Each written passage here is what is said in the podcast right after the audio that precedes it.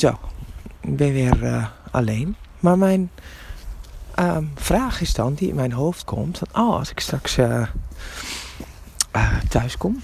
Waar is je bal, kerel? Kom eens, ga eens gauw zoeken. Waar is je bal? dan ga ik dat meteen eens even opzoeken. Wat er ook nog eens weer was. Welke lichten het vliegtuig voert in de nacht. Om dan meteen ook weer te denken van waarom zou ik dat doen? Weet je? Dat kost mij weer tijd, zeg maar. En uh, energie.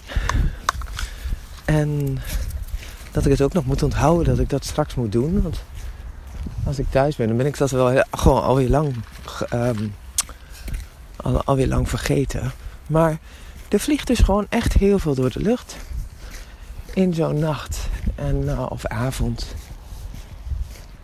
En als je dan niet zeg maar um, weet dat je af en toe zo'n hoofd kan hebben wat allerlei vragen loopt op te roepen.